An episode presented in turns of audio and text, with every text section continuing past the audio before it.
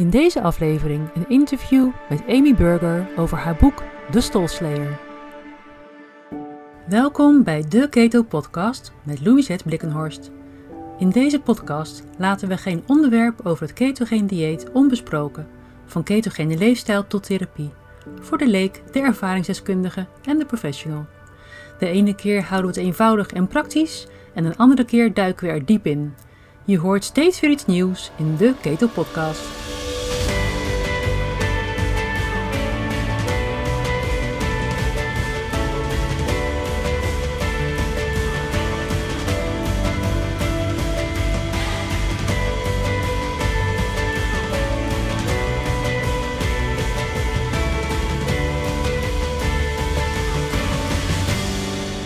Gezegd in deze aflevering een interview met Amy Burger. Dit interview vindt plaats in het Engels. Mocht je het Engels niet goed machtig zijn, ga dan naar hetzelfde interview op YouTube en daar vind je er ondertitels bij. En dan nu het interview met Amy Burger. Well, today I have the pleasure to be here with a lady who was a US Air Force veteran and who is now a certified nutrition specialist. And she special, specializes in using the low carb and ketogenic nutrition to help people reclaim their vitality through eating real and delicious foods. And she shows them that getting well doesn't mean starving or depriving yourself or being at the gym every day. Her motto is real food for real people. And she's an international speaker. She has written many articles uh, and she's also the author of three books. Uh, you can follow her blog on her website uh, or on Twitter. You can watch her videos on YouTube where she talks about keto without the crazy. Welcome to the Keto Podcast, Amy Berger. Thank you. Thank you. I'm happy to be here. So wonderful to have you here today. Um, first, I wanted to start off with, with this crazy uh, um, transition from being a US Air Force um, veteran to, to a, a nutrition specialist. How did it happen?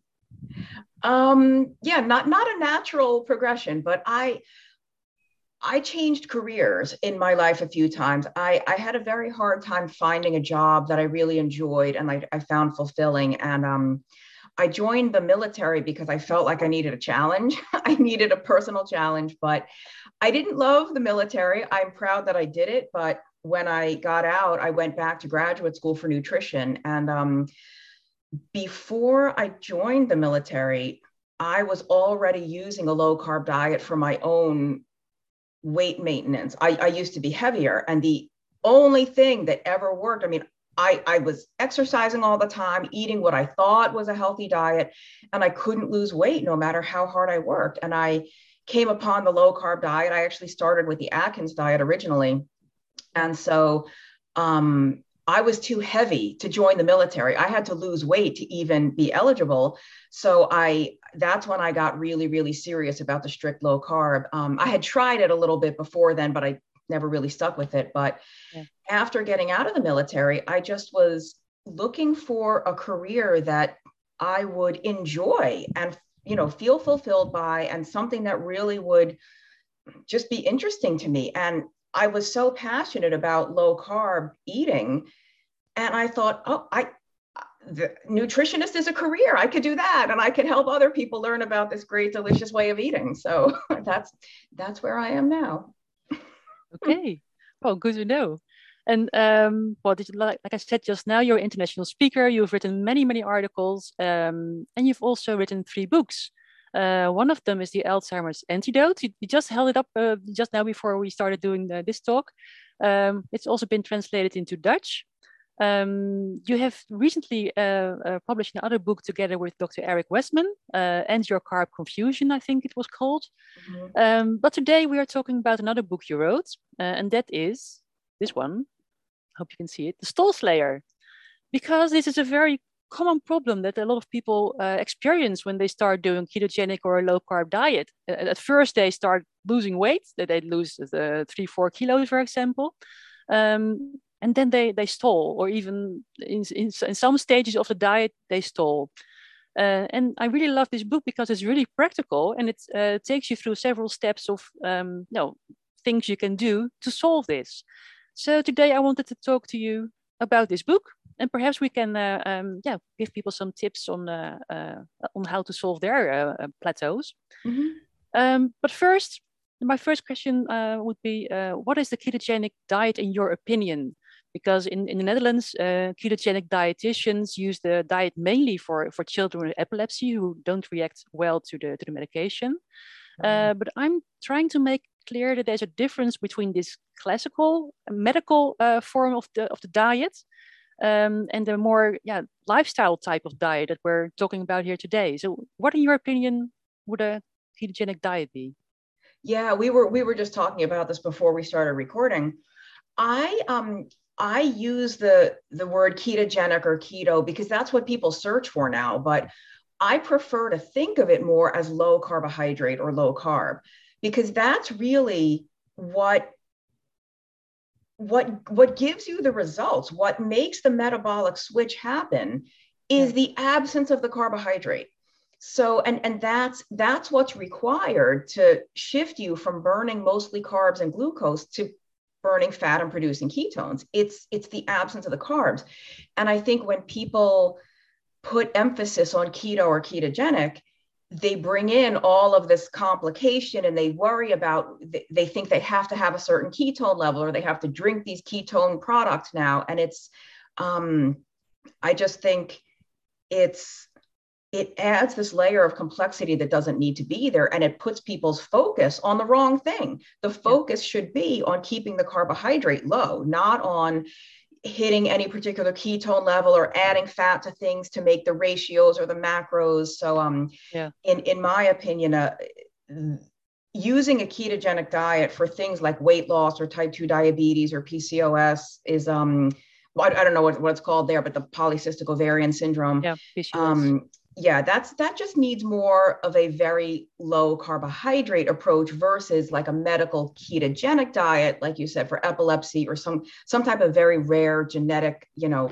very serious problem. Not that yeah. not that like weight loss isn't serious or that diabetes isn't serious, but the approach needed is a little bit different, I think. Yes, exactly. Good. Well, it's good to hear that from you as well. Um, and there's a question I always get from people is uh, um, it's really complicated to be working with all these macros in your opinion, is that necessary to, to, to, to work with all the complicated macros to, to be able to follow ketogenic diet? No, I don't, I don't think it is. I think the number one most important thing is to keep the carbs low. And then you want to make sure you're getting enough protein. And most women do not eat enough protein, in my opinion. So you want to really target protein. And then you add a little bit of fat for flavor. And we're certainly not afraid of fat, but the macro approach really leads people down the wrong path sometimes because they they think that they're supposed to eat lots and lots of fat to hit that percentage. And then they wonder why they stall in weight loss. Or we've been made for various reasons. We've been made afraid of protein. People think it's going to spike their insulin or turn into yeah. sugar. And biochemically there's some truth there, but that's not something most of us need to worry about on a low carb diet. But so they they purposely limit protein to keep that percentage at a certain range. They add lots and lots of fat, and they don't really get the greatest results with that. So no. um, yeah, macros are not necessary. No, exactly. So um, in your book, you talk about uh, well uh, hitting a stall. But when is it really a stall? Is that um, when you've been standing still with your weight loss for, for weeks or weeks or for days. Some people panic even within a few hours of not losing any weight. Uh, so, so what, how would you define a stall? Yeah, that's a good question because um, especially when you're brand new to this way of eating, you do tend to lose a lot of weight very quickly, but then that slows down and that's totally normal. People yeah. need to understand that it's normal for it to slow down after a little bit. And um, so a, a stall is not just a few days of no weight loss. It's several weeks or months. And it here's the big thing too. It's not just that your scale weight doesn't change, your size and shape too, because it is and women have a very, very hard time understanding this. Men, men too, but more yeah. so women. Yeah. It's very, very possible and common, in fact, for your size and shape to change, even when your scale weight isn't changing. So you haven't lost any kilos, your scale weight is the same, but you might be smaller. Yeah. Your clothing might be loose on you. So you're not stalled. Just because your scale weight isn't changing doesn't mean that you are stuck because your yeah. your body is definitely changing. But this is not if it's only been a week or two and you haven't lost any more weight, that is not a stall. It's weight loss it's not a straight line down to the goal i, I wish we all wish yeah. it was but yeah. it's bumpy you're going to lose a little bit stay the same for a bit lose a little bit gain a little bit it's going to be a squiggle line but as long as the trend over time is downward, yeah. then from day to day, you have these little ups and downs, but over the long term, you're moving down. Exactly. Yeah. That's why I always advise people not only to weigh themselves, but always to also to measure yourself, to measure your waist, see what happens to the to the to the to the size right, there as well. Right. Yeah. Right. And um, so what if there really is a stall that people have been stuck on, on a certain uh, weight or a certain size for well, in their opinion, too long a time. Um, do you have a couple of tips of what people could do about this? Where should they start? Yeah, it, it always depends on what they're doing now because the advice I'm going to give someone depends on where they're starting from. But in, in the book, the, the two most common things I see that get in the way of weight loss for people are too much carbohydrate. Um, that's just if if you're eating t- too much carbohydrate, your body will not really be able to burn fat as easily. It's too busy burning all the starch and sugar first. Yeah. So it's kind of going to keep that body fat around while it's occupied burning the carbs. So too much carbohydrate. And then, like we were saying with the macro issue, too much fat. There is such a thing as too much fat on a ketogenic or low carb diet. You know, just because your carbohydrate intake is low doesn't mean you can eat an unlimited amount of fat. Because if we're eating lots and lots of fat from the outside, then the body has no need to burn all the stored fat instead. No. and, and and some people though, I want to be clear, some people do get their best results with a very high fat, as but the carbs are very, very low. But I think more people seem to do better with kind of a moderate fat intake, like not drowning everything in butter and oil and you know drinking heavy cream or double cream whatever they call it there um, too yeah too much carbohydrate and too much fat are really the two biggest things that i see. And it's yeah. but that's good because it's so easy to fix that. You just yes exactly yeah. back a little bit like this isn't some huge problem. It's not a big mystery. That's a very easy thing to to change. Yeah. And in your uh, book, you also talk about uh, several other uh, problems that people can can uh, investigate for themselves to see if that's what's what's um, true for them. For example, uh, a good night's sleep is very important. So if you're if you're not rested enough, not uh, relaxed enough, uh, that could also be a problem with with your weight. Um, not too much fat. I'm just I'm just going through your book right now. Um, one of the other things that I uh, get a lot of questions about is can I can I drink alcohol when I'm doing keto? What's um, your opinion on that? Yeah, so I'm I'm a wine lover myself. Um, you can consume alcohol, but you have to be strategic about it. You know, alcohol is as much as I love it, it is empty calories. It's energy with no redeeming nutrition. So and and the priority order in which the body burns different energy sources yeah. like carbohydrate, fat, protein, alcohol is number 1 so when alcohol is coming into the system, into your body, your body has to metabolize the alcohol before it metabolizes anything else, before right. carbs and before fat. So the more alcohol you consume, the, the further down the priority list burning your body fat becomes. And um, but that doesn't mean you can't drink. It just means you have to be reasonable about the quantity. And then, of course, um, you want to stick to alcohol that's very low in carbohydrates. So a dry wine, um, distilled spirits, and if you're going to mix them, you want to mix them with a diet soda or some zero sugar mixer. Um, unfortunately, no beer. Or I mean, a light beer, but like in mm-hmm. your country, you have such good beer. I why would yeah. you drink a light beer there? Oh, so um, you can't. But if yeah. if somebody's really having a hard time losing weight and they're drinking alcohol regularly, that's um that's one of the most obvious things to stop. But I, I also know that that's a deal breaker for some people. If you tell someone, well, you do keto but you can't have alcohol they're they're just not going to do it. So hmm. if you're going to have alcohol have it but then think about what do you need to change about the diet? What do you need to change about the food to make room for the alcohol? Yeah exactly. And i wish i wish that wasn't i wish we could just drink and drink but it can't doesn't work that way unfortunately yeah yeah um, oh and i should say just in, yeah. in case anybody doesn't know when you are on a very low carbohydrate or ketogenic diet, your alcohol tolerance is lower. So it's go alcohol is going to affect you much more quickly and much more severely. So yeah. you will not be able to consume the same amount of alcohol that you were in the past when you ate a lot more carbohydrate. It's it's going to yeah. really hit you. Yes. Well, I always tell people you don't need to drink as much to have the fun you, are used to having with a bit more alcohol. Right. So right. smaller doses, more fun. um, and and, and uh, I hear people complaining about when um, uh, they had a little cheat moment or they did have their drink or um, well they have, they've been to a party or, or a wedding and they did have a piece of that cake. Um, and the next morning they get on the scale and say oh no i'm i'm one or two kilos heavier than i was yesterday. I'm i'm much fatter than, than i was before. And what, what's your opinion about that? Is that fat?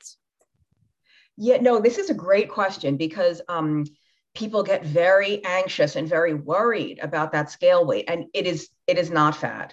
Um, it's very normal to be up a, a kilo or so the day after you've eaten more carbohydrate, and it really is just your body holding on to water you know, when we said earlier, when you start a low carb or ketogenic diet, you lose a lot of weight very quickly.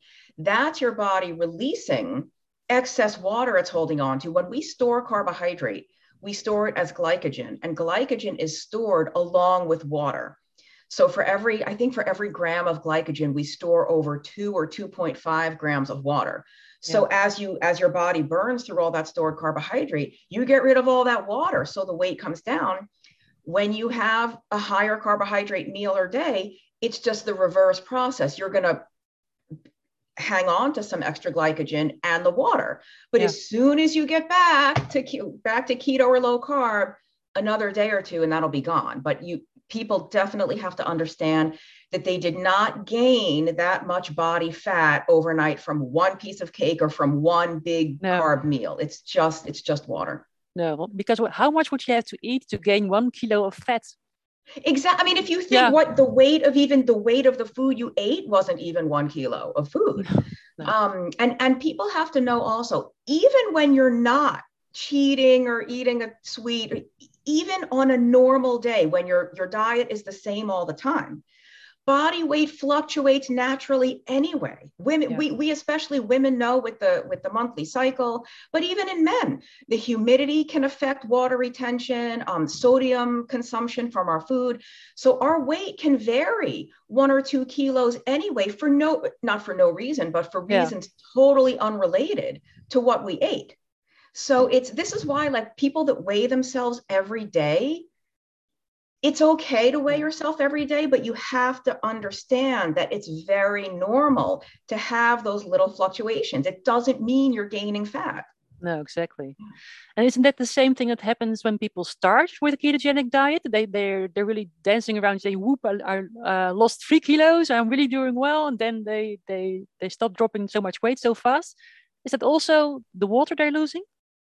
Yeah, that is that is mostly water, but I think um, you you have to get rid of that water before you start burning the fat anyway you've got to burn through those stored carbohydrate yeah. and i think if seeing that quick early change gives people kind of motivation and that morale boost and the oh this is like they feel like it's working and it's yeah. i think that's fine but yeah and and I, I think i mentioned this in in the book they they just have to know that that rate of weight loss is not going to continue. Like after maybe the first two or three weeks it's going to slow down but when it slows down that doesn't mean something's wrong. It doesn't mean they need to change something. It's that's they need to expect that it's supposed to slow down. Yeah exactly. Yeah.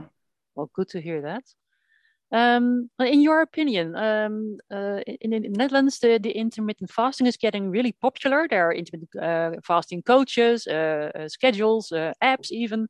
Um, and I hear a lot of uh, good things about the combination of intermittent fasting with a ketogenic diet. In, in your opinion, is, is fasting required to, to be to make a success of the diet? I'm I'm going to answer that in a second, but isn't it funny how why do we need apps to fast? Yeah. Fasting is just stop eating. Why why do we have to have technology involved yeah, in this process? Exactly. I agree with you we there. Need, yeah. We need coaches to like tell us that don't eat for the next 10 hours. Yeah. You need you need to watch. That's all. Okay. but um, so my thought on intermittent fasting really depends on how we define that term because um, I I learned this really from Dr. Westman, my co-author on End Your Carb Confusion. Mm. We don't really there's no particular eating window or timing that's required. What's required to be successful with this way of eating is a very low carbohydrate intake and again not massively overdoing the fat. We we encourage people to eat only when hungry. So if you're skipping a meal or two, if you're only eating one or two meals per day because you're just not that hungry, yeah. that's fine. But I don't consider that fasting. I just consider that eating when you're hungry and not eating when you're not hungry, which is what all of us should be doing anyway. Yeah, that exactly. it only seems like fasting because we're so accustomed to eating three meals a day plus snacks. Every time you go anywhere, there's food. Um, mm-hmm.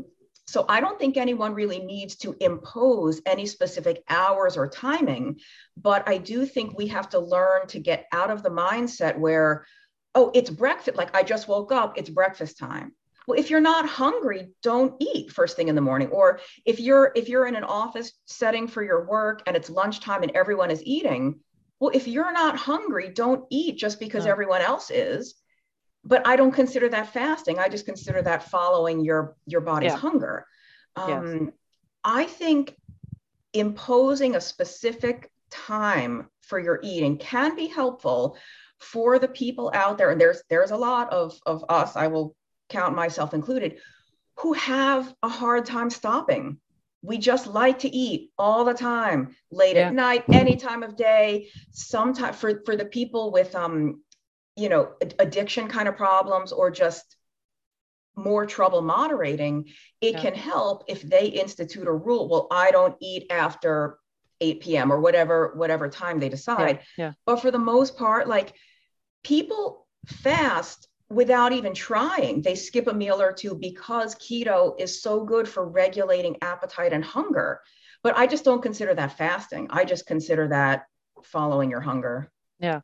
Because I've met people who uh, really desperately are trying to do intermittent fasting, really uh, skip their breakfast, even when they're really hungry and they feel stressed and they feel dizzy and they feel they get bad moods, but they really have to do the intermittent fasting because the app tells them that they still have to do that. Yeah, yeah, that's a that's a good point. I yeah. I think you know there's a lot of very popular people in the keto world our community who unfortunately make hyperbolic statements that scare people and and people think that there's something harmful if they are it, it's okay to eat three meals a day you don't have to do the OMAD, oh, the one meal a day. You don't have to eat only within an eight hour window. It's okay to do this any way that works for you.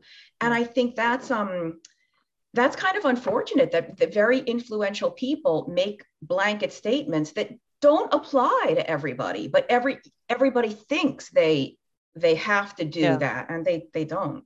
No, it's still a very individual advice, I think, right. thing to do, especially yeah. in, in women uh, with, with their, their, their monthly cycles. Um, after um, a night where you haven't slept very well, for example, or after stressful events when your when your cortisol is high, when you're stressed uh, already as you are, uh, and if you add any stress um, uh, to that by not eating, it only adds up to it, and it only makes you more hungry and more, well, not in control. I think yeah i think i think that that can backfire in in women probably more so than men but um if you restrict too much then you wonder why it's 11 p.m and you've got your face in the refrigerator yeah. you know i think i think women have become afraid afraid to eat frankly yeah. afraid to eat and the keto some people in the keto world have contributed to that yeah exactly So we need to go back to feeling our, our bodies, feeling what we need ourselves, instead of following rules by people who are diff- different from you. Yeah, and I just I just think most of most of what anyone is saying is not wrong. It just may not apply to your particular situation. So, like we were saying earlier, people use very, very strict ketogenic diets for epilepsy. Yeah. That kind of approach is not wrong. It just no. is very unique to a specific situation. That approach is not the same that's going to work for weight loss in a postmenopausal woman, you know, and, uh, you know, somebody, it just, all of this advice is correct for somebody. It's just not correct for everybody, right? No, exactly. Yeah. No, so people have to listen to, to listen to their own bodies and start feeling what they need again. Um, when I was going through your book, I found a, a specific chapter on thyroid issues. And uh, I get a lot of questions about that because uh, still people seem to think that when you have a, a slowly a slow working thyroid, uh, that you cannot start a ketogenic diet, you cannot start cutting the carbs because that should be bad for your thyroid. How, how what, what should what do you think about that? Um, it's this is a very individual thing. I think a lot of people with pre-existing thyroid conditions start keto and find they actually do better they can actually if they're on thyroid medicine they can actually reduce it and some can even stop it altogether um, that tends to be more true of people with hashimoto's disease which is the autoimmune thyroid yeah. problem yeah. Um, people have thyroid issues for all kinds of other reasons that are not hashimoto's i don't think i think a ketogenic or low carb diet is fine for people with thyroid issues. But if you have, I'm actually writing my next book is thyroid, and oh, um, it's not yeah. about keto at all. It's going to be just thyroid. Yeah. The if if you have a thyroid problem, and I mean specifically low, if hyper, the overactive thyroid, you actually tend to be underweight. You're you lose yeah. weight without even trying. Yeah. So we're talking mostly about low thyroid, and keto does not fix that magically for everybody. And if if your thyroid hormones are not really optimized for, for you, it's going to be really hard to lose weight no matter what you do, even if you're very disciplined with the diet. Um, it'll it'll help a little bit, like you'll you'll do okay, but you're not going to get the the big results with weight loss that you would get until those hormones are optimized. Now you're, I don't know what what the um, conventional treatment is in the Netherlands, but in, in Europe, like the European Union in general, I think yeah. is a lot more friendly to the natural desiccated thyroid gland or um, the other. You can combine yeah. two kinds of thyroid hormone medication that in the US doctors are very reluctant and it's really hard to get a doctor to prescribe the best medicine here but I think in Europe they're a lot more open to the um, I don't want to call it unconventional because I don't think it is, but they're they're more yeah. open to that more effective approach. But still, I hear a lot of, especially women who struggle with their with their uh, thyroid medication. Um, it is still difficult. I yeah. just think it's it's easier to get the medicine in Europe, but it's still difficult. And I, I will say, I mean, if if people people can get the book, there's a whole chapter on thyroid. But if you have a thyroid problem, weight gain or, or difficulty losing weight is probably not going to be the only issue you have. You would have a lot of yeah. other symptoms that indicate this issue. Yes, yes, yeah. exactly. Usually it's like like a, a combined picture of, of, of several factors right. that, uh, that are going wrong in the body. Yeah. yeah. So um, if there's somebody listening now and thinking, well, I'm, I'm overweight, I'm tired, I have thyroid issues, what would be the first step? Would it be the, uh, um, do you have any advice for them? Well, if they're not already doing keto, I would do it because that alone might help. Yeah. That alone might really give you your energy back, get the weight moving. But if you if you're already doing it and you've already done the troubleshooting with, like we said earlier, your carbohydrate intake, the fat, like make sure that you're doing this way of eating properly and not just incorporating a hundred different things that you've heard on the internet like make sure you you're really doing it properly. Um, if if you're already doing it really correctly and you still have these thyroid problems then you definitely want to work with a doctor. It's just um, again i don't know how difficult it is over there but yeah. it the doctors very often won't even order the necessary tests. There's one or two tests that are that are ordered most commonly here when you really need five or six. There's a panel of thyroid hormones that need to be tested because they look at the one or two. Yeah. And if those are normal, they just say, "Oh, you don't have a thyroid problem. Goodbye." You know, you you need yeah. to eat less and move more. But if they were to dig deeper and order those extra other tests, you'll see right away that there's an issue. Yes. So that's, but it's, it can just be very hard to find a doctor who really understands that. Yeah. Um, that's, but that's, unfortunately, that's the answer. If you need, because if you need the medication to replace the hormones, at least, I mean, in the US, you, you need a prescription. You can't just yeah. go to the store and buy that. Yeah, same so, um, yeah, I, it, it is a very difficult battle sometimes, unfortunately. Yeah. I, yeah. That's complex as well. Yeah yeah okay but uh, at least you're, you're saying um, that it's not impossible to lose weight when you're having thyroid issues on a ketogenic diet because that's what's uh, sometimes is advised here that it's not possible to lose weight or cut the carbs when you have a slow thyroid so i'm glad we cleared that up it's, um, yeah, I mean, but yeah. it, it's a struggle. Like it's it, yeah. it is a struggle, and I don't. I mean, I because I have I have low thyroid myself, so I I don't want to abandon these women you yeah. can lose weight, but you might reach a point where you're not going to get any further until you get that medication. Exactly. Yeah. Yeah. Okay. Well, one final question because I always uh, uh, also found a chapter on exercise. Um, because many many people have this this crazy idea that they have to do a lot of works at workouts and run like crazy all the time to, just to lose weight and to get their metabolize uh, metabolism going. And uh, well, what's your opinion on that? Um, I think it's my my opinion, but also my own personal experience and the personal experience of like millions of people exactly. that um, exercise yeah. is not that great for weight loss. I think there's lots of other reasons to exercise. I mean, mental health, it's a very good natural antidepressant. Um, mobility, just strength, cardio, cardiorespiratory fitness. Like there's a lot.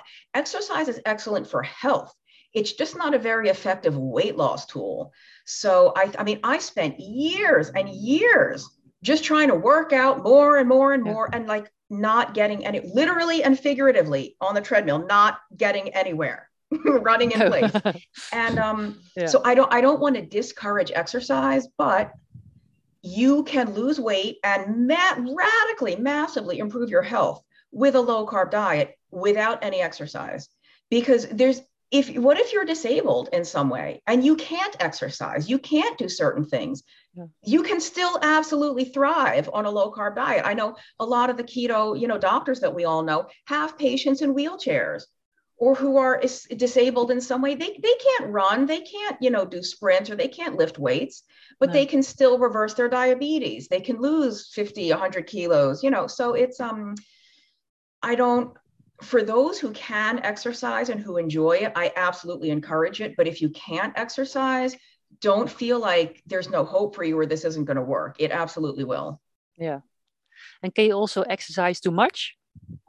Oh yeah thank you for bringing that up because no yeah. one ever talks about you know it's it's like anything just because some is good doesn't mean more and more and more is better you mm-hmm. can exercise too much especially if you women if you're not eating enough you're you're demanding too much of your body without resting and, and replenishing the nourishment that you need um, and that like you said the stress to put your body under even that amount of stress all the time if you're not if you're not resting adequately. Um, that's all i can really say. Just because some is good doesn't mean more is better. And and there there is such a thing as exercise addiction. There yeah. really is. I think there's people who have an unhealthy relationship with with over exercising i mean that's rare but it does exist. It does exist. Yes yes. And too much exercising for some people can even be counterproductive it can can uh, raise their stress, raise their cortisol, and they can even get a, a disbalance in their in their um, their glucose uh, metabolism. Yeah, and you so, you'll even yeah. notice you might you might even start to gain body fat despite all the exercise because of yeah. the hormonal effects of that. Absolutely. Yeah. Yeah. Well, good. Good to hear it from you as well. Um, well, this book, I, I, found this book really helpful. It's not available in Dutch, only in, in English. But uh, it's not very uh, complex uh, English language. It's it's very uh, understandable, even if you're uh, you don't speak English brilliantly like me. No, I'm trying. Um, you're fa- you're fabulous. You're completely fluent. I know. I think oh, your well. English is perfect. Thank you. um, so if if um, if this triggered uh, some kind of interest in you and you're listening to this and you think, wow, this book is really great. What's it called? It's called The Stall Slayer by Amy Berger. Um, I think it's still available in the in the Dutch uh, bookshops as well or online. So if you, you, can, I don't know if um, I think it's print on demand, so you can get it from your Amazon, and they'll they'll send you that yeah. paperback you have, or you can download a PDF from stallslayer.com. Oh. You can download electronic version. Good. I'll, I'll put the the link uh, underneath the in the show notes. Um, well, these were all the questions I had for for now. Um, we'll be meeting you. This is like we said before, before we started recording this podcast. You'll be here in June for the Ancestral Health Symposium, and you'll be talking mm-hmm. about a different topic, but about the um, uh, neurological diseases and ketogenic therapies to, to, for that. Um, so if there are people uh, listening now thinking, wow, I really want to meet Amy Berger, I want to really, uh, really want to hear her speak, or one of the other fantastic speakers that day, there are still tickets available. I'll put the, the link in the show notes. Um, and well, and can I can I can I advertise one little thing? Yes, of course. So um, I work I work with Dr. Westman um, doing online courses about keto. We yeah. have our Keto Made Simple Masterclass coming up in April. It'll be our sixth round, I think. We've had five wow. rounds already. Yeah. People get really incredible results. So if you've been doing keto and you're struggling, you're not getting the results you want, you feel very overwhelmed, check out our Keto Made Simple Masterclass. It's yeah. at um, it's a very long website, adaptyourlifeacademy.com. Adaptyourlifeacademy.com. Yes. You'll see the keto course, but this is I'll put the link in video. Well. You can do it from anywhere in the world. So international, like I mean, if you speak English, it's no problem. Yeah. It's video lessons taught by Dr. Westman himself, and he very very down to earth simple approach to keto yeah. very effective. So if you feel like you're very um, frustrated and disappointed because you're not getting where you want to go i check out that keto made simple course. Wonderful. I'll put the link down in the, in the show notes as well show notes as well so people can find you there. Wonderful. And dr and eric westman. we've had students from all over the world so yeah. netherlands yeah. is no problem. Yeah sure. No great. And uh, dr eric westman will also be here in june uh, together with uh, Professor Noakes and Gary Gary Taubes and some uh, we have the Dr. Yvo Sijpkens and Frits Muskiet. Um, so it's going to be a wonderful day. This, this, is an unprecedented lineup for the Netherlands. So this is going to be absolutely, absolutely wonderful. Uh, well, thank you so much for, for your time today. Um, looking forward to meeting you in June. And, uh, and we'll talk then. Thank you very much. Same. Thank you. Nice to meet you. Thank you. Bye bye.